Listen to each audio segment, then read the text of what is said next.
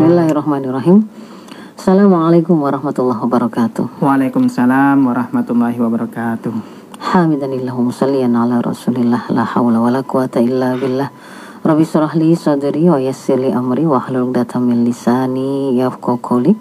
Amma ba'd, Alhamdulillahirabbil alamin dulur kita sekalian, Mas Isak dan semua yang menyimak perbincangan kita pada pagi hari ini termasuk yang mungkin menyimak dari berbagai macam platform akun sosmed yang kita punya ya Mas Isak ya. Hmm, benar, benar. Semoga uh, semua dalam keadaan sehat walafiat, diberkahi semua urusan kita dan majelis kita pada pagi hari ini menjadi sebuah majelis yang barokah yang Amin. membawa dan menambah kebaikan dan juga kenikmatan bagi Amin. kita dalam beribadah kepada Allah.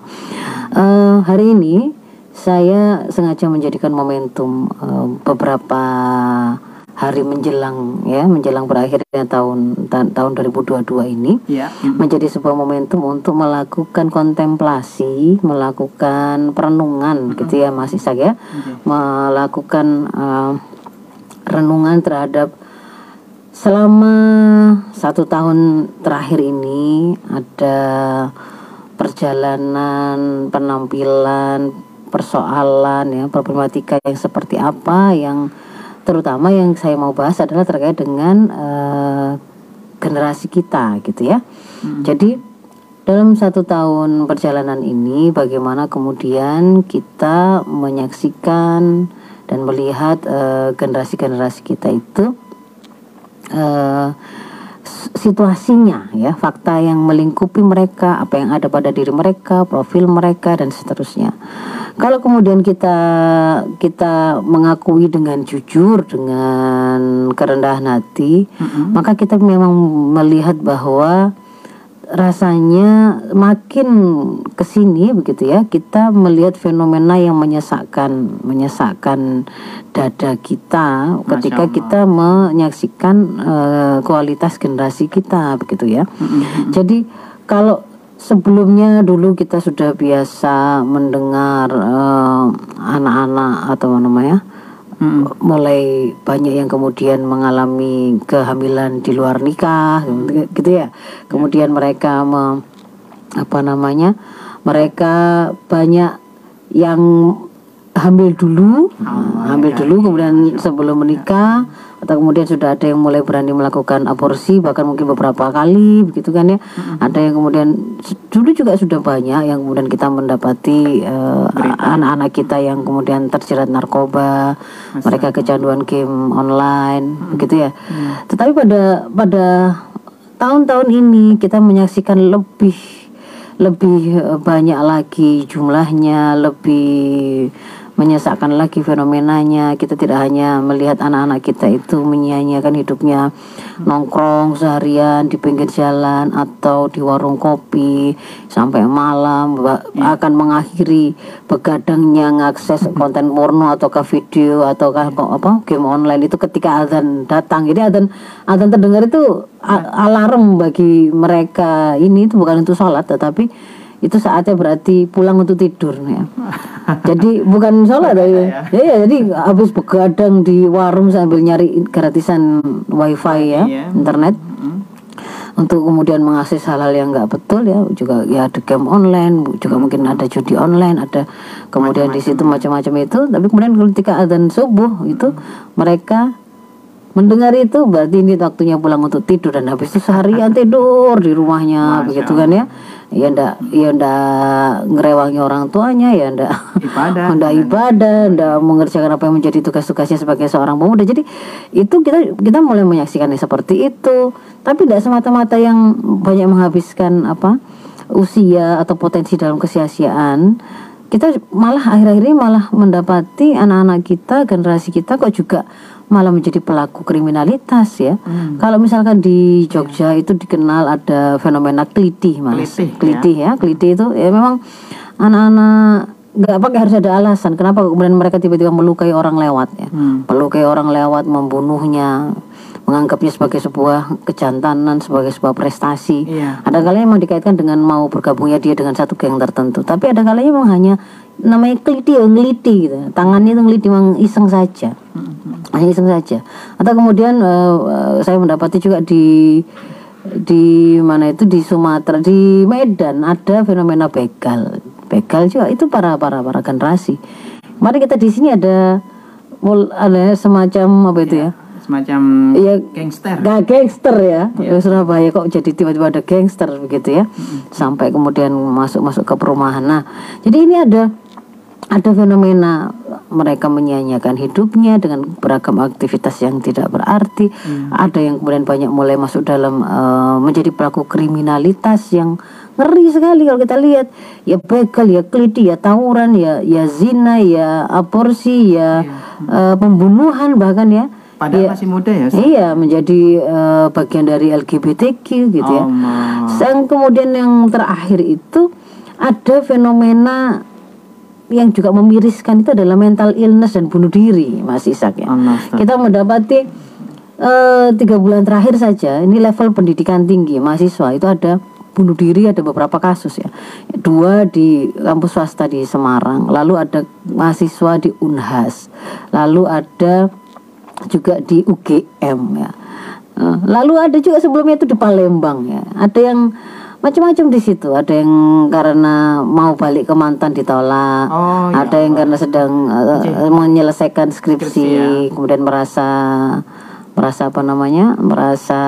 tertekan Iya. ada yang masih mahasiswa baru yang katanya merasa eh, yang katanya mungkin dikaitkan dengan eh, perkuliahan yang padat begitu ya Hmm. jadi akhirnya kan kemudian kita bertanya-tanya kok kok anak-anak kita ini generasi muda kita ini apa yang sebenarnya kemudian terjadi pada mereka? Kok kemudian mereka menjadi Iya. seperti sangat rapuh seperti ini gitu ya?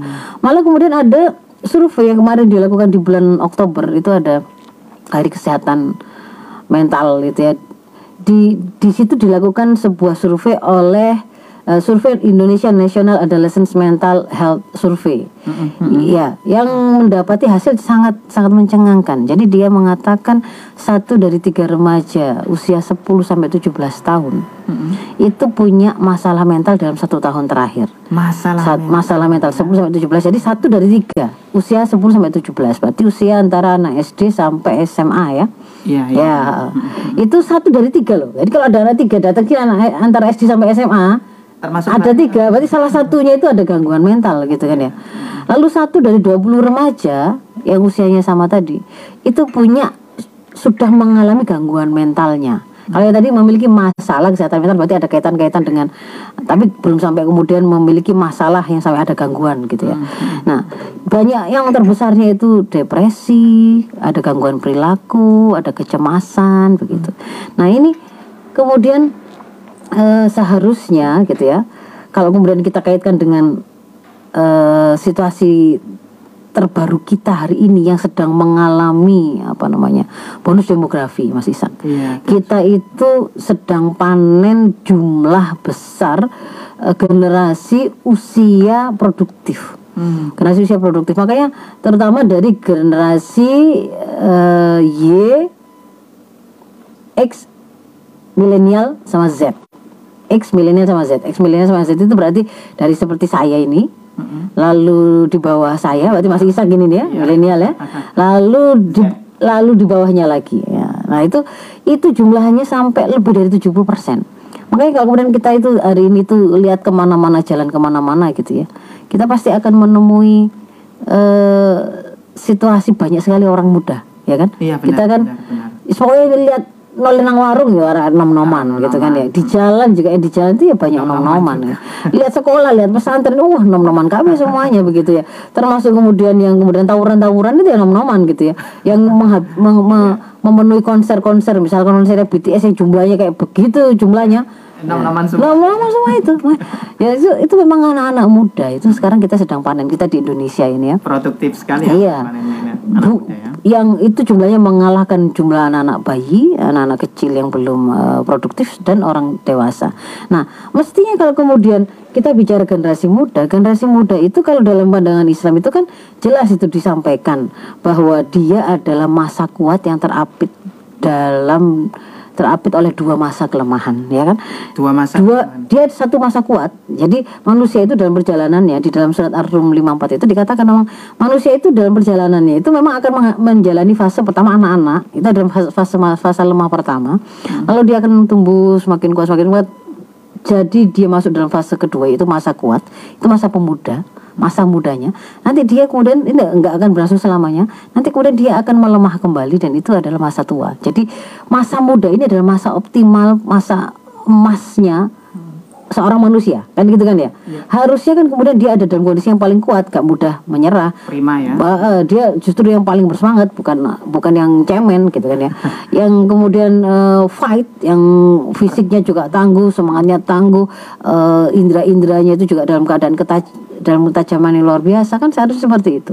Apalagi kemudian kita mendapati sebuah fakta bahwa hari ini kita bonus kita memiliki jumlah mereka itu jauh lebih besar daripada jumlah orang-orang yang ada dalam ketergantungan di, di, di dua fase yang lemah itu anak-anak maupun orang tua atau lansia.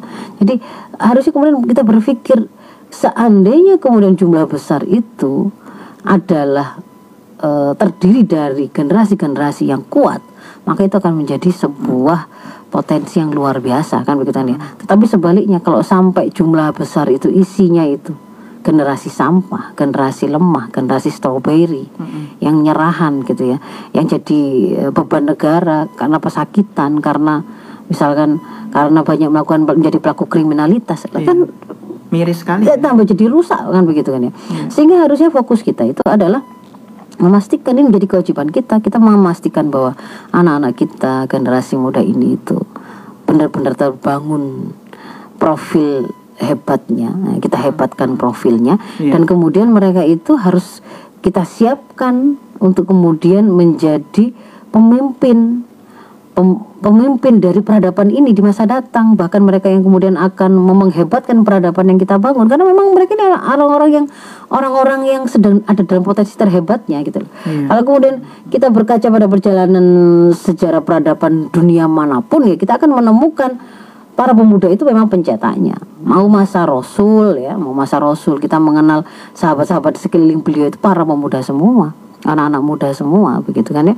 Ada ada Ali bin Abi Thalib yang itu dikenal apa sebagai eh, il apa pintu dari ilmu pintu ilmu anak Madinatul Ilmu Aliun Babua kalau Rasul mengatakan begitu ada Anas bin Malik yang juga luar biasa me- membersamai Rasul menjadi eh, melakukan khidmah kepada beliau sehingga banyak meng- me- eh, menyampaikan hadis-hadis yang itu. Bahkan sifatnya privacy karena eh, priva- sifatnya ada di kehidupan pribadi Rasul karena beliau bersamai sejak kecil kan begitu kan. Dan beliau juga diberikan umur yang sangat panjang. Sehingga kemudian itu sangat membantu kita.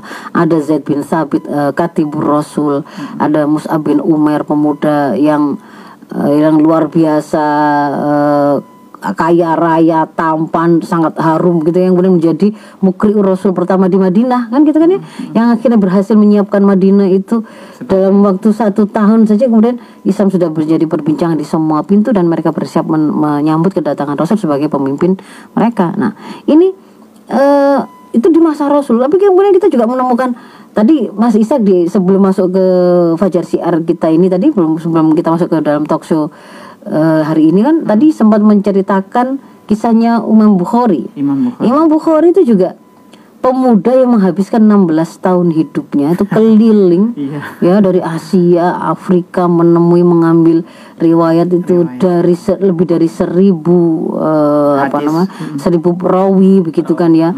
Mem- kemudian mengumpulkan bahkan ratusan ribu. Bahkan ada yang mengatakan sampai satu juta itu hadis yang macam-macam. Lalu kemudian diperas oleh beliau sampai kemudian bisa me- mewariskan kepada kita bu Sahih Bukhari gitu ya. itu pemuda gitu loh ya pemuda itu ya kayak gitu gitu kan ya bukan bukan yang rebahan bukan yang cuman aduh Mental lemah. Iya, kemudian diputuskan pacarnya sudah langsung bunuh diri, enggak enggak dibelikan HP membunuh orang tuanya itu itu bukan itu bukan tugasnya pemuda begitu. Bukan loh. boy ya, Oh, sad ya. bukan. Nah, ini sekarang ini akhir tahun kita mengenal ada Fajar sad boy ya. jadi Iya. nah, jadi enggak enggak seperti itu. Kita justru harus me- me- mencegah eh, anak-anak kita itu eh, profil mereka yang sebenarnya hebat itu kemudian dilemahkan, dirusak atau kemudian tersia-siakan potensinya. Nah, bagaimana caranya kan gitu kan ya? Itu yang kemudian ingin saya mau eh, sampaikan ke seluruh Dulur El Victor dan siapa pun yang menyimak perbincangan kita hari ini supaya kemudian ini menjadi agenda bersama. Kalau kemudian kita menginginkan menguatkan generasi, ada sebuah eh, ada sebuah penjelasan dan ibarat yang sangat bagus ya perumpamaan yang sangat bagus yang kemudian disampaikan oleh Allah di dalam surat Ibrahim ayat 2425 ya. Ketika ketika Allah memberikan sebuah perumpamaan bagaimana sebuah kalimah thayyibah itu ya itu kemudian bisa menghasilkan bangunan pohon yang luar biasa kuat kokoh dan bagus Nah, Kalimat thayyibah itu ya. Nah, ini yang eh, apa namanya? Allah berfirman di dalam surat Ibrahim 2425 itu, Allah bilang minasyaitonir Alam tara kaifa daraballahu mathalan kalimatan thayyibah kasajaratin thayyibatin. Kan gitu kan ya.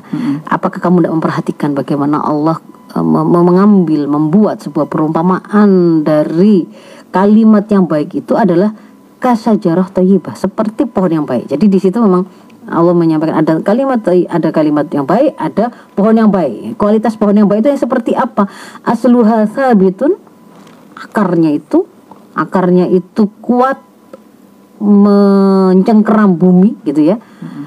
Kemudian far wa far'uha fis sama dan eh, bangunan pohonnya, rantingnya, dahannya, cabangnya, badan pohonnya itu kemudian tumbuh menjulang ke atas ke langit dengan kuatnya dengan kokohnya kan begitu kan ya.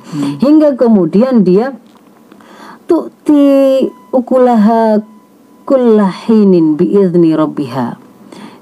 Yang pohon ini ketika dia itu tumbuh sehat se- eh, bagus gitu ya kuat itu ya. Selain dia itu bisa menjadi mungkin naungan orang-orang yang berteduh tapi dia juga bisa memberikan buahnya itu setiap waktu setiap musim dengan izin dari Tuhannya Hmm. hmm. jadi di sini Allah me- menginginkan wa yadribullah al amsal linnasi la'allahum yatadhakkarun. Ini itu dibuat eh, oleh Allah permisalan ini itu perumpamaan ini itu agar manusia kemudian mengambil pelajaran agar manusia itu selalu ingat. Nah, eh, kalau kemudian kita kita mengambil pelajaran dari penjelasan Allah tentang bagaimana bangunan pohon yang kokoh gitu, yang kuat, yang dia itu bermanfaat ya, yang dia itu tidak mudah roboh ketika ditiup angin kan gitu kan ya, yang dia itu kemudian tidak sia-sia atau tidak ada manfaatnya, tetapi dia itu justru sangat bermanfaat. Bahkan bah- bahkan buahnya itu bisa dinikmati setiap musim, nggak pakai nunggu, kadang-kadang libur, kadang-kadang ya, nah itu terus seperti itu se, se- sekualitas itu, maka sebenarnya yang kita inginkan dari kualitas anak-anak kita kan juga seperti itu. Jadi mereka itu adalah anak-anak yang kalau tampilannya ya kita inginkan mereka itu anak-anak yang eh, taat pada Tuhannya. Jadi dia rajin ibadah. Dia dengan orang tuanya dia juga orang tua dia juga anak yang berbakti, yang santun, Oke. yang dia itu memenuhi hak orang tuanya. Kalimat-kalimatnya itu kalimat-kalimat yang baik misalnya begitu. Dia juga kalau kemudian menemui kesulitan-kesulitan apakah itu ketika kuliah apakah itu ketika ke- dalam dunia kerja dia tidak mudah menyerah gitu ya kita juga melihat dia itu anak yang bisa menjaga diri menjaga ifahnya. Nggak kemudian jatuh terjerumus kepada pergaulan yang rusak. Atau kemudian mengantarkan mereka pada melakukan aktivitas yang merusak akalnya karena homer karena narkoba jadi yang itu kemudian kita ibaratnya itu adalah buah dari pohon.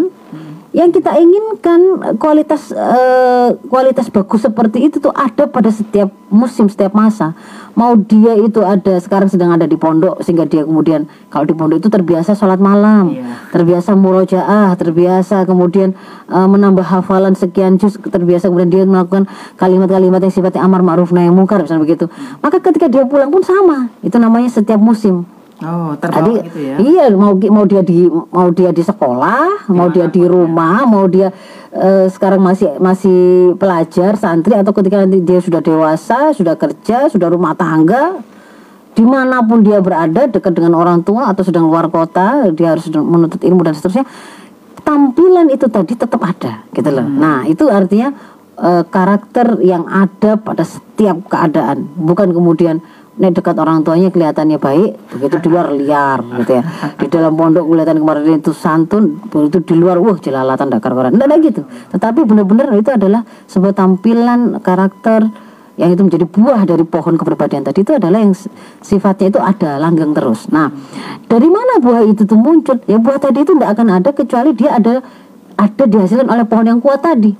Pohon yang kuat tadi kalau Allah, Allah, Allah berikan perumpamaan tadi kan dahan yang tinggi yang kokoh itu tuh berawalnya itu dari mana? Itu dari akarnya. Hmm. akar yang menghujam ke tanah. Nah apakah itu?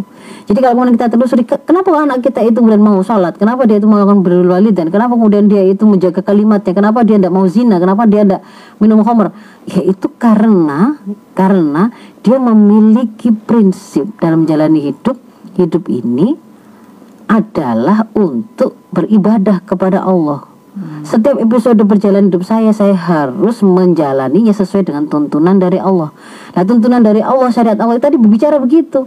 Ada kewajiban sholat, ada kewajiban menuntut ilmu, ada kewajiban untuk kemudian taat pada orang tua ketika itu kalimatnya benar, kan begitu kan ya. Ada ada perintah untuk tidak mudah menyerah, ada ada namanya uh, apa ada perintah untuk menghiasi diri kita dengan sifat-sifat utama yaitu akhlakul karimah kan begitu. Hmm. Nah, jadi itu adalah berarti batangnya gitu loh, Mas, Mas Isak ya. Pemahaman dia tentang bagaimana menjalani hidup sesuai dengan tuntunan dari Allah, lalu kemudian mengikat kecenderungan dan hawa nafsunya itu adalah pohonnya. Nah, pohon ini tuh kesadaran kayak gini lah dari mana? Dari akidah Islam. Dari sebuah kesadaran bahwa ya kenapa kok saya harus taat pada syariat Allah ya karena saya adalah hamba Allah yang diciptakan oleh Allah. Kan begitu kan ya? Yang Allah itu al khaliq al mudabbir yang menciptakan saya yang kemudian mengatur semua alam semesta dan kehidupan ini. Itulah misi penciptaan saya. Nah akidah ini kalau kemudian mau diperas lagi dari mana akidah ini? Itu awal mulanya dari tauhidullah. Mentauhidkan Allah. dari dari dari kita itu melakukan ikrar asyhadu alla ilaha illallah asyhadu anna muhammadar rasulullah. Hmm. itu kan awal dari kesadaran bahwa siapa sih sebenarnya menjamin rezeki kita? Oh, arisku biadillah wahda kan gitu kan ya.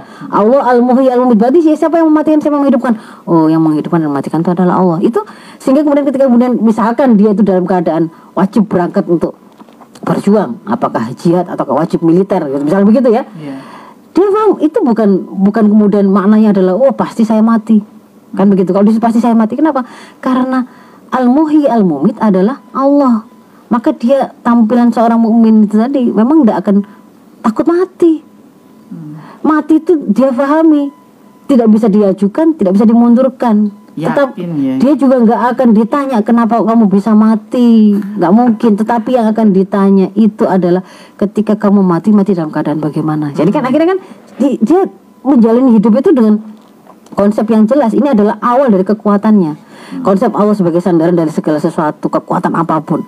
Orang tua yang meninggal, dia tetap tahu bahwa bukan berarti ketika orang tua saya meninggal, yang itu artinya berarti saya tidak mendapatkan nafkah dari orang tua karena sudah tidak ada gaji lagi.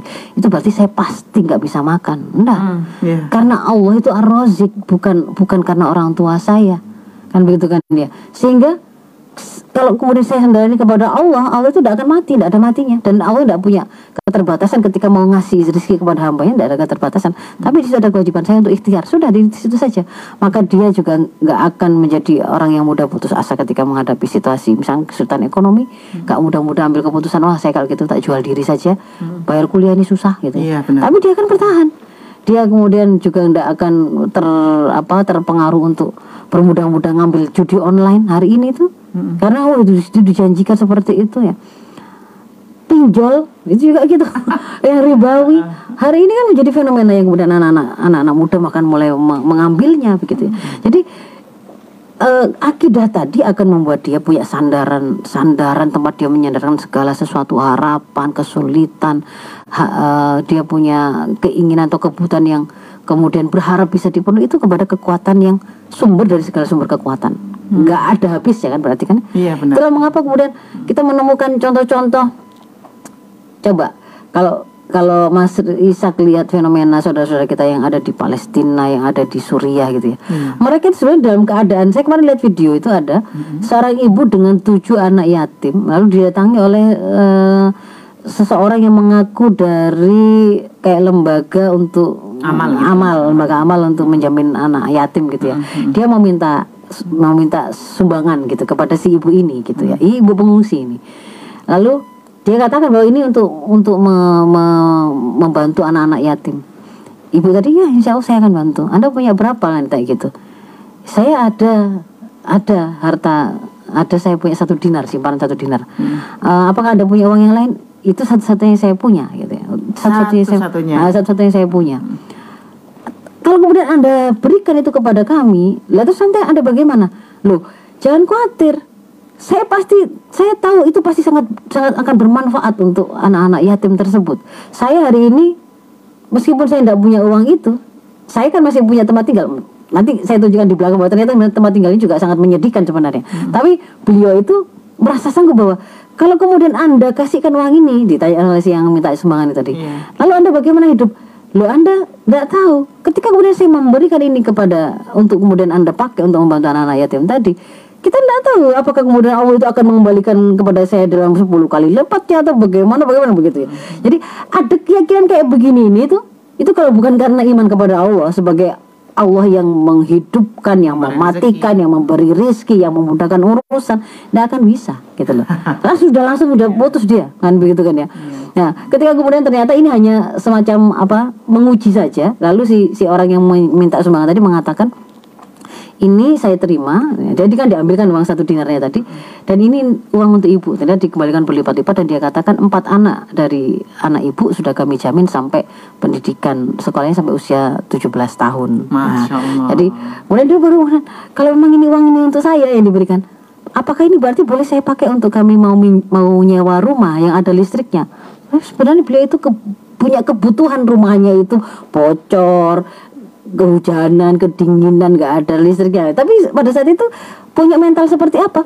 Cukup Allah Allah akan memudahkan urusan kami kan gitu kan ya. Dan dia sanggup menolong itu karena ada iman gitu loh.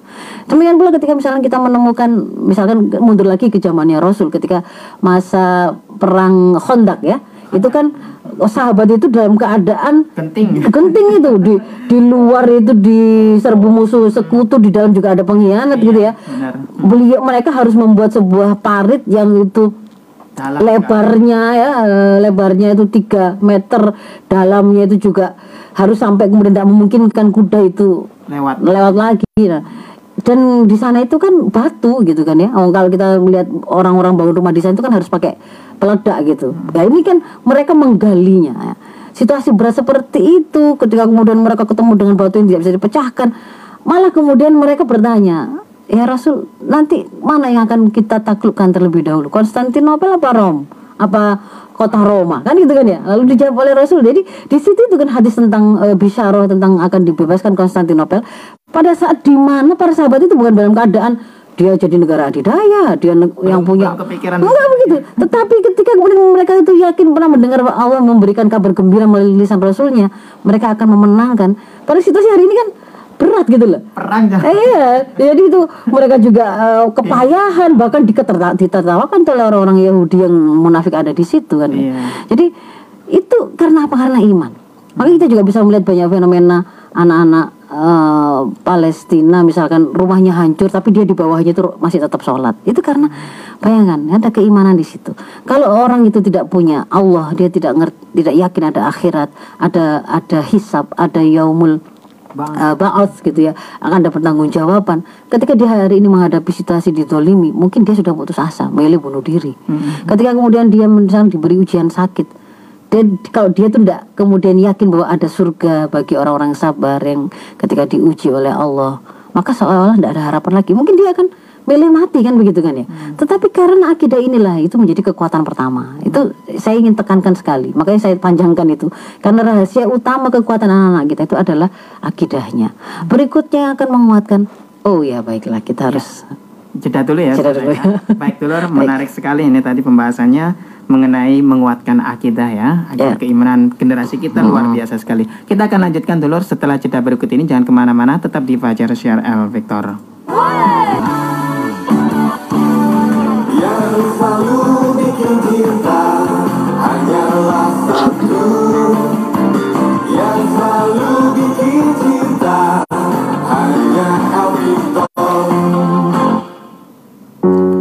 baik Tulala Victor, kita lanjutkan kembali ngaji kita dengan guru kita Ustazah Faiza Roshida, Master Kedokteran Tropis. Baik Ustazah, kita lanjutkan, silakan. Ya, jadi itu yang pertama. Maka jangan pernah main-main ya, jangan pernah main-main dengan akidah ini. Jangan pernah malah malah merobohkan akidah yang seharusnya kita kuatkan pada anak kita, kemudian malah kita rusak gitu. Dengan cara bagaimana? Harusnya kan kemudian yang kita lakukan itu kalau kita ingin anak-anak kita itu kuat ya kita kokohkan akidahnya, keyakinan dia bahwa dia itu adalah Mbak Allah kan begitu kan ya. Dan ibadah itu adalah dengan cara menjalankan seluruh episode hidupnya sesuai dengan aturan Allah. Kita dekatkan dengan syariatnya. Hari ini itu mau disadari atau tidak, kita sedang bahkan melakukan pelemahan kepada anak-anak kita. Melakukan pelemahan. Pelemahan, pelemahan yang pertama itu sangat sangat sangat tidak layak dan itu apa namanya fatal kita lakukan itu adalah kita melemahkan akidah mereka dengan me- meng- menyampaikan atau menginfiltrasikan pemahaman-pemahaman rusak yang menjadikan semua agama itu sama, semua agama itu baik. Jadi akhirnya ini ada ada satu pengalaman langsung ini Mas Isak ya. Saya pa- pernah pada waktu di satu forum sharing begitu dengan eh, tokoh muslimah di satu kota di Sumatera gitu ya. Ada kemudian dosen seorang profesor waktu itu yang kemudian eh, memberikan apa sharingnya begitu. Jadi dia ngajar satu mata kuliah tertentu yang kemudian dia mengajarkan kepada mahasiswanya itu bahwa semua agama itu sama, Sama ya. semua agama itu baik ya. dan tidak dia sangka gitu ya. Kemudian ada mahasiswanya itu pada waktu dia ngisi kuliah itu kemudian ngacung lalu dia menyampaikan saya mendengarkan kuliah ibu yang mengatakan semua agama sama, semua agama itu baik ya. Maka saya sudah dua minggu ini murtad. Saya sudah pindah jadi ya, sudah nggak jadi muslim jadi pindah agama lain. Toh kata ibu kan sebenarnya Sama. semua agama sama. Nah, jadi jangan main-main dengan dengan Kalimat itu. kalimat itu dan itu memang bukan membangun dan menguatkan akidah anak kita. Salah itu. Yang Walaupun, harus kita walaupun tujuannya untuk toleransi. Lah, itu nanti yang harus kita lakukan itu mengokohkan akidah mereka. Memang kita diminta untuk mengajarkan inna dina inda wal Islam. Bagaimana dia kemudian bisa yakin bahwa saya itu harus taat menjalankan ibadah yang diperintahkan oleh Allah kalau saya tidak yakin bahwa Allah itu memang ada. Bahwa memang Allah itu benar yang menciptakan saya dan alam semesta. Bahwa Allah itu yang kemudian memang al-khaliq dan juga al-mudabbir yang menurunkan tuntunan syariahnya dan syariah itu pasti benar kan dia dari maha, yang maha benar. Kalau kemudian itu malah kita goyang Ya Tuhan itu sebenarnya sama, namanya saja beda-beda. Iya. Jadi di langit itu ya ada ada ada surga versi A B C atau bagaimana itu itu melemahkan membuat anak bingung begitu Secara Tambah. Iya, tambah membingungkan. Nah, hari ini tuh kita melakukan itu. Sudah begitu. Yang menguatkan kedua dari anak kita kan sebenarnya kokohnya mereka itu meyakini bahwa saya itu harus hidup sesuai dengan tuntunan yang diberikan oleh Tuhan saya, oleh Allah kan begitu kan ya. Kalau seorang muslim berarti dia harus kokoh saya menjalani hidup sesuai dengan tuntunan syariah. Itu pun kemudian ternyata malah kita lemahkan. Kita malah mengatakan bahwa jangan fanatik-fanatik kan gitu kan ya. Nah. Ketika anak itu belajar syariah malah kemudian kita malah kita seolah-olah radikalkan dia, kita stigmatisasi, kita katakan itu itu justru itu justru ekstremis atau itu radikal ya. Eh, dunia nggak butuh penghafal Quran itu untuk mengomentari para penghafal Quran gitu loh. Ciri-ciri teroris adalah yang dia sholat malam dan berbahasa Arab loh ini kan ini kan malah melemahkan tidak langsung. melemahkan generasi. Iya, iya. Oh, kalau kemudian kita ingin menguatkan anak kita, pemahaman dia tentang syariah itu bagus, maka itu akan mencegah dia dari jatuh kepada melakukan keharuman karena ketidaktahuan. Kalau dia tuh ngerti bagaimana bergaul dengan benar, dia dia nggak perlu kesasar hamil dulu baru tahu bahwa itu salah, bahwa itu rusak. Kalau dia tuh mengerti bahwa di dalam Islam itu yang namanya homoseksual, liwat itu adalah sebuah perbuatan fahisyah yang keji. Dia tidak perlu sudah ke kadung kesasar dulu baru kemudian sadar bahwa itu salah gitu kan ya. Jadi justru dekatnya mereka kepada syariah itu sebenarnya adalah kebaikan gitu loh. Jangan malah dijauhkan, jangan malah di Fanatik-fanatik. di sana fana- dikriminalisasi, di, dibikin seolah-olah Salah. itu malah salah gitu ya. Jangan dekat-dekat teroris, teroris bibit teroris loh. itu kan statement kan kita dengar, jadi justru malah me- membahayakan. Eh, diajarkan bahwa nggak apa-apa, jadi LGBT itu jangan kemudian kriminalisasi atau diskriminasi. Kenapa? Karena itu hak asasi manusia. Padahal kemudian kalau di dalam Islam itu memang diberikan tuntunan hidup itu ya begini gitu loh hak itu Allah berikan tapi bukan kamu yang kemudian ngeramesi dewe hakku itu adalah diberi kebebasan bicara kebebasan berperilaku kebebasan beragama. Iya. sebagaimana asasi manusia. Kalau dalam Islam hak syar'i yang diberikan oleh Allah hak hidup ada. Hak kalau berbicara faliyakul khairan aw liyasmut. Ngomong apa saja boleh pokoknya baik. Kalau nggak bisa diem aja. Lebih baik. Kan gitu kan ya? Kalau kemudian aktivitas eh, menyakiti orang menyakiti tanpa alasan yang hak ada kisosnya kan begitu. Jadi nggak enak ide enak saya enak ide hak asasi nanti keliti keliti bakal bakal hak asasi nanti. Kan gitu kan ya? Jadi itu ad- adalah sebuah serangan begitu. Jangan kemudian malah membuat anak-anak kita malah takut pada syariah. Jangan itu.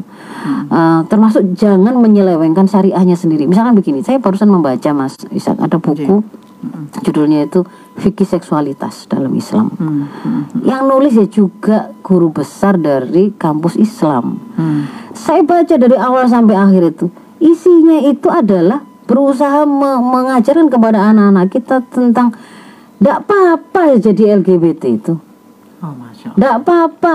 Di situ misalkan contoh realnya ya ada kalimat homoseksual itu tidak sama dengan kaum Sodom gitu ya. Jadi dia mulai agak membuat Membenarkan ya. dia mulai me- me- men- membuat sebuah batasan yang tidak jelas gitu. Kalau Sodom itu adalah para pelaku zin, para para pelaku seksual di jalur belakang. Itu nggak harus homoseksual. Itu juga bisa loh pasangan suami istri. Itu loh juga bisa orang-orang heteroseksual yang punya orientasi ya laki ya perempuan. Itu juga biseksual kan begitu. Nah, padahal kan kalau kemudian kita tuntun kita berikan tuntunannya Islam, kita buka tuntunan Islam ya sudah jelas. Memang mau mau pelakunya itu suami istri kalau sodomi ya haram. Iya. kan gitu kan ya. Mau dia itu seorang biseksual eh, biseksual sudah jelas itu kok bisa ACDC begitu. Haram jelas kan begitu kan ya. Mau homoseksual juga haram persis malah seperti kaum mulut kenapa kok kemudian anda malah menuliskan sesuatu yang itu membuat kalau ada generasi muda kita itu membaca anda ajarkan itu itu kan malah membingungkan seolah-olah oh ternyata nggak apa-apa. Kok beda? Itu bukan kaum mulut itu bukan liwat loh itu. Itu kan hanya homoseksual hanya orientasi seksual. Lalu di situ ada dalil-dalil. Tidak ada keterangan jelas bahwa orientasi seksual dalam Islam itu wajib kepada lawan jenis. Tidak ada. Lalu diperkenalkan yang namanya istilah eh, orientasi seksual itu ada yang sifatnya itu alami ada yang itu dibuat-buat gitu. Dibuat-buat itu yang haram itu boleh dikatakan itu yang mungkin dibuat-buat gitu. tapi kemudian yang alami karena bentukan lingkungan karena itu itu tidak apa-apa. Toh di dalam Islam tidak ada itu dalil-dalil mengatakan harus begini. Nah kayak begini nih loh. Lisan-lisan dari orang-orang yang sebenarnya kita tunggu untuk menguatkan generasi ini ini malah melemahkan. Anda itu punya titel anda punya punya ilmu anda punya kesempatan didengar itu pakailah untuk menguatkan umat generasi ini. Mana ada sih anak zina itu gara-gara taat syariah? Kenapa kemudian solusinya itu adalah justru moderatkan mereka. Jangan fana, jangan kemudian bolehkan mereka itu taat pada syariah kafah. Programnya yang diharuskan akhirnya moderasi beragama. Apakah anak-anak tawuran, begal, keliti itu gara-gara mereka itu melaksanakan syariah? Ya enggak toh. Iya. Kenapa kemudian justru yang Anda banyak ungkap, Anda banyak rekomendasikan itu adalah Hal-hal yang rubah syariahnya, moderatkan. Gak ada mereka itu mereka itu menjadi eh, pecandu narkoba, menjadi LGBT, menjadi free pelaku free seksual itu itu justru karena mereka tidak kenal hidup dengan syariah. Jadi jangan malah jauhkan mereka dari syariah dengan mengatakan itu justru radikal kalau mereka mendekat pada syariah. Dan juga jangan otak-atik syariah yang sudah benar dengan mengatakan itu sebagai sumber terorisme atau radikalisme. Itu yang akan menguatkan generasi gitu loh saya ingin menekankan itu yang menguatkan generasi. Anda kita itu mau nyari solusi ke mana lagi kalau kemudian kita malah buang tuntunan dari wahyu kan begitu kan? Jadi itu. Yang berikutnya nanti kita pasti membutuhkan untuk menguatkan anak-anak kita mungkin yang terakhir ya karena keterbatasan waktu ya mas Iya, mas Ishak ya. Benar. Eh, tentu saja per- peran semua eh, apa namanya penanggung jawab pendidikan generasi itu harus dioptimalkan. Mulai dari rumah ya. rumah itu rumah rumah tangga rumah tangga muslim itu wajib menjadi eh, sem- apa namanya tempat kokoh untuk menyemai benih awal dan membentuk membentuk eh, bangunan awal kepribadian kepribadian anak-anak muslim generasi muslim kita. Rumah yang kuat yang sakinah mawadah warahmah yang tangguh. Dan itu pasti berawal dari mengembalikan peran para bapak ya. Iya. Nah, sisa pada berapa berapa kesempatan yang lalu kita membahas Peran ayah ya. ketika ayah itu ditetapkan sebagai eh, kawam sebagai pemimpin dalam rumah tangga itu artinya dia pemegang tanggung jawab terbesar Hmm. ya jadi kembalikan jangan sampai fatherless jangan sampai bap anak itu sebenarnya punya an- punya bapak tapi dia seperti yatim karena bapaknya tidak pernah terlibat dalam pembinaan Anak. anak-anaknya ibu ibu juga gitu kembalilah kepada jangan jangan menjadikan bapak itu sebagai musuh atau pesaing yang kemudian membuat kita gegeran antara saya mau domestik itu harus ya dilakukan bersama-sama nanti cari uang bersama-sama nanti kalau kemudian capek karena nyari uang bersama-sama akhirnya sama-sama nggak mau ngeramut anaknya gitu loh Benar. kita itu bukan bukan bukan apa namanya ya kemuliaan kita itu bukan ditentukan pada sisi siapa pemimpin rumah tangga, siapa ibu rumah tangga, tidak, tetapi inna akramakum indallahi atqakum.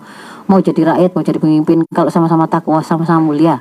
Mau jadi bapak, jadi ibu, suami, istri, kalau sama-sama takwa mulia, maka buka di situ, buka tuntunan syariah di situ, maka akan kita temukan bahwa ada pembagian pembagian tanggung jawab yang sangat harmonis begitu loh di dalam uh, rumah tangga rumah tangga Islam itu. Ibu itu al umar batul bait ya. Jadi itu juga jangan diabaikan. Lalu yang terakhir apa yang bisa untuk menguatkan anak-anak kita mereka pasti butuh uh, situasi yang kondusif dan dan apa namanya yang mem- me- akan menguatkan mereka untuk tumbuh kembangnya. Yaitu suasana di tengah-tengah masyarakat yang itu terjaga dari hal yang merusak maka kalau dalam Islam itu ada namanya aktivitas yang diwajibkan oleh di tengah-tengah masyarakat harus ada adalah amal amar ma'ruf nahi munkar atau dakwah. Jadi kayak begini detik ini ini memang harus ada. Dan jangan kemudian ketika orang itu menyerukan kembalilah kepada syariah kembalilah kepada syariah. Karena di situ tuh tuntunan itu ada di situ tuh solusi yang kita cari. Jangan dikriminalisasi. Jangan dikriminalisasi.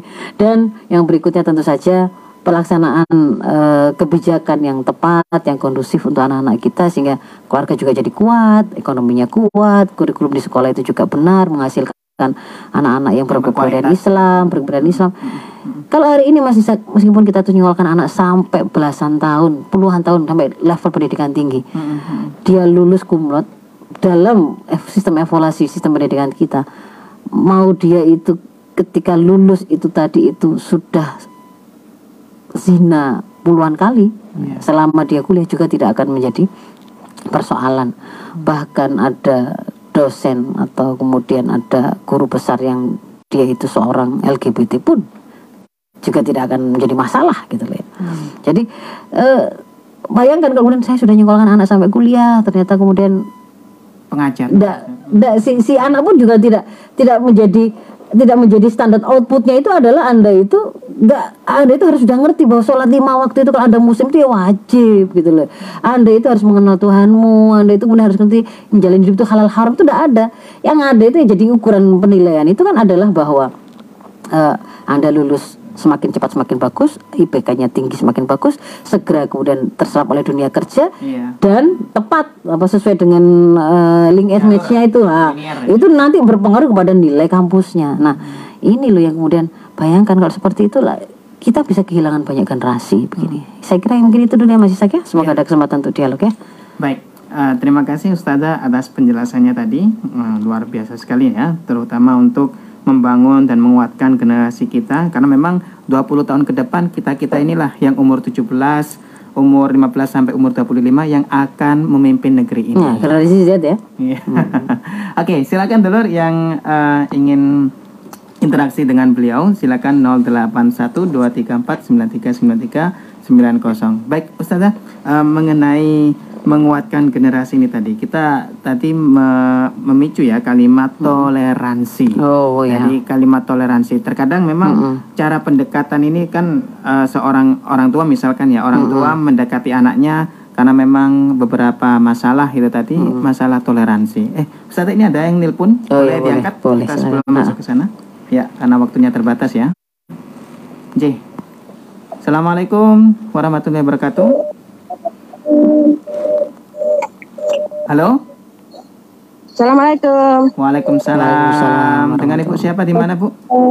Assalamualaikum, Umi. Waalaikumsalam warahmatullahi wabarakatuh Nur Alima dari Indrarejo. oh iya monggo Bu Eh, monggo Bu. untuk menguatkan pemahaman anak-anak, apa ada yang amalan yang untuk buat wiritan itu loh. Mm-mm. Oh, nggih. Nah, itu Nggih. aja, terima kasih. Assalamualaikum. Waalaikumsalam warahmatullahi wabarakatuh ya. Ya, sebenarnya kalau untuk memahamkan, jadi kalau pemahaman itu terbentuk dari sebuah proses berpikir, Mas Isak ya, dan Dulur Victor. Proses berpikir itu adalah sebuah proses yang melibatkan ada empat komponen di sana. Yang pertama, kalau misalnya saya mau memikirkan ini tuh apa sih, misalnya saya pegang HP atau saya pegang pulpen ya. Pertama adalah fakta yang hendak kita pikirkan dan hendak kita pahami. Yang kedua, fakta itu harus ditangkap oleh indera kita. Penglihatan, pendengaran, perabaan dan seterusnya gitu kan ya. Yang kemudian oleh indera kita karena dia adalah saraf sensoris, dia akan sampaikan itu ke pusat sunan saraf, yaitu ke dalam otak gitu ya. Nah, di dalam otak itulah kemudian terjadi sebuah proses penafsiran oleh informasi. Pemahaman. Nah, informasinya itu harus ada dulu. Oh, Kalau yang kayak gitu bentuknya itu namanya apel. Oh, rasanya kayak begini. Oh, itu namanya adalah anggur. Kayak begini ini adalah oh HP kan gitu kan ya. Jadi ada informasi yang diberikan. Kalau kemudian Homer kayak gitu barangnya dia lihat minuman kayak begini, botolnya begini, rasanya mungkin bentuknya itu seperti ini, tampilan baunya kayak begini. Ini apa? Ini Homer. Homer itu apa hukumnya? Haram karena ada informasi. Kalau kemudian bergaul, bergaul eh dijak sama temennya ah, anu ya ayo kita tatuan ayo kita tindian ayo kita tawuran misalnya begitu kan ya ada fakta ada ada yang boleh ditangkap oleh in- oleh indera mereka kan begitu kan ya? Diserap lagi. Ah, tapi kalau kemudian di dalam benak anak kita dalam otak anak kita itu tidak ada informasi apa pun tersimpan untuk menafsiri fakta tersebut maka dia juga tidak akan bisa memiliki pemahaman yang benar kan begitu kan ya? Nah jadi kalau kemudian mau memahamkan anak kita itu adalah faktor terpenting itu adalah adanya informasi informasi yang dia miliki. Ini ilmu ini sakofah gitu loh. Makanya tadi saya bilang semakin komplit pemahaman yang dimiliki oleh anak kita semakin banyak dia itu menuntut ilmu bagaimana menjalani hidup ini sesuai dengan tuntunan Allah. Fikih pergaulan dia tahu fikih ibadah dia tahu bagaimana kemudian hak dan kewajiban dia pada orang tuanya dengan temannya dan seterusnya semakin komplit semakin dia akan tertunjuki amalnya gitu loh. Semakin dia memiliki pemahaman yang benar, yang pemahaman benar itu bisa mengikat amalnya sehingga dia nggak perlu kesasar, nggak perlu pernah ngerasakan aborsi dulu baru ngerti bahwa Ini oh salah." ternyata salah ya pacaran kayak gini nih ya, nggak gitu. Menyesal di akhir. Nah, setelah rusak organ-organ tubuhnya baru paham bahwa oh ternyata narkoba itu adalah sesuatu yang merusak gitu, yang buruk. Nggak perlu. Kalau dia itu sudah paham ilmunya, sudah ngerti sakofanya, ya tentu dia akan menjadi anak yang kemudian memiliki pemahaman benar. Tinggal menguatkan bagaimana pemahaman itu dia gunakan untuk mengikat amalnya. Itu ada dengan takarub ilallah. Ibadah yang kemudian semakin mendekatkan dia kepada Allah sehingga dia merasa ringan sami'na wa ata'na itu. Nah, jadi justru itu harusnya sebenarnya itu ikhtiarnya gitu loh. Iya. Sementara kalau doa, doa itu memang sesuatu yang wajib kita lakukan, tetapi itu bukan metode untuk membuat anak paham, gitu loh ya. Jadi bedakan. Kalau ikhtiarnya ya tetap harus upaya untuk membuat dia paham, lahiriah iya. ya. Tapi bahwa kemudian kita minta anak kita dimudahkan oleh Allah, dibukakan pintu hati dan pikirannya Tanpa untuk ikhtiar. untuk memudahkan dia paham kebenaran-kebenaran ini selalu dia dengar, mengikutinya, diberi kekuatan untuk mengamalkan apa yang kebenaran yang diberikan oleh Allah. Itu silakan, itu bahkan mewajib gitu. Tapi jangan hanya membatasi ikhtiar itu dengan doa salah. Musuh datang gitu ya. Zaman eh, kekhilafan akhir itu ketika pemahaman Islam itu mulai mulai runtuh gitu ya, mulai mulai melemah. Diserang musuh itu kemudian bukan kemudian menghadapi musuh itu, tetapi malah berdoa dan membaca kitab gitu loh, membaca membaca kitab itu bukan bukan ikhtiarnya gitu ya. Jadi bedakan ya. Jadi tetap Bu, mau doa apa terserah apa saja, amalan apa saja apa semua ketaatan insya Allah akan kembali kepada kita dalam kebaikan. Jadi anak itu kalau dia itu semakin sering bangun malam, semakin sering membaca Al-Quran, itu semakin mencemerlangkan pikirannya pasti. Karena sebaliknya, kalau anak itu biasa nonton maksiat-maksiat melalui matanya, pasti dia merasa berat untuk membaca Quran. Kalau dia itu sering begadang menghabiskan waktu itu untuk melakukan maksiat, pasti dia akan sulit untuk sholat gitu. Iya. Iya. Tergambar itu. Makanya jadi harus sebaliknya gitu. Bantu mereka untuk dekat kepada melakukan ibadah awal terpaksa terpaksa keterpaksaan itu akan membuat kebaikan akan membuat kebaikan dan di situ kita juga selalu sambungkan kepada Allah kita minta agar Al- Allah mudahkan anak-anak kita gitu Ya. Baik, ya, masya Allah. Ini tadi ya Bu ya, memang usaha ikhtiar doa boleh dan juga ada ikhtiar secara Ah, lahiriah ya, iya. usaha kasab itu tadi. Baik dulur efektor karena keterbatasan waktu juga ya, ini luar biasa sekali kita ngajinya. Bahkan ini ada beberapa pesan dan penelpon yang bis- belum saya jawab karena Iya. memang keterbatasan waktu. Ah, bisa bisa disampaikan nanti mungkin kapan-kapan kita bahas kita ya. akan bahas ya. Mm-mm. Ini dari Bu Chandra dari Kahuripan Sidoarjo. Saya was-was terhadap perilaku remaja sekarang ini. Mm-mm. Bagaimana mendidik anak walau berada di lingkungan yang buruk. Anak tetap istiqomah dalam ketaatannya. Mungkin Iya. besok kita Iya. bisa bahas ini saja mendidik dalam lingkungan karena memang eh, yang membentuk karakter itu salah satunya adalah lingkungan. Nah, tapi itu tadi sudah saya sebenarnya sudah sudah saya sampaikan. ya. Jadi bahwa pohon itu tuh Pohon kokoh itu dari akarnya. Akar itu adalah tauhid itu akidah Islam dan kemudian akan dikuatkan kalau dia punya pemahaman yang bagus terkait dengan tuntunan syariah ini. Hmm. Dan yang lain-lain lingkungan itu itu sesuatu yang dia butuhkan untuk membantu tumbuh kembangnya secara kondusif. Tetapi kalau dia itu kokoh, dia bahkan bisa mempengaruhi. Yang paling penting itu Iya, ha, tadi ya. ha, ha. prinsip akidahnya, prinsip ketauhidannya. Kepada Allah. dan keterikatan dia pada syariah. Dan memang sangat dibutuhkan untuk menguatkan anak-anak kita itu ada suasana kondusif memang yang di situ nggak ada maksiat, nggak ada. Iya. Dan itu adalah amal ma'ruf nahi munkar untuk menjaganya kalau di tengah masyarakat. Ya, Baik Ustazah. ya mohon maaf. Waktu juga ya. Ya, Silakan eh, Iya. bisa ditutup Ustazah dengan baik. Eh, terima kasih Dr. Victor. Eh, mohon maaf kalau ada beberapa hal yang belum bisa tersampaikan dengan sempurna. Aku minkum ihdinas siratal mustaqim. Assalamualaikum warahmatullahi wabarakatuh. Waalaikumsalam warahmatullahi wabarakatuh. Baik, terima kasih.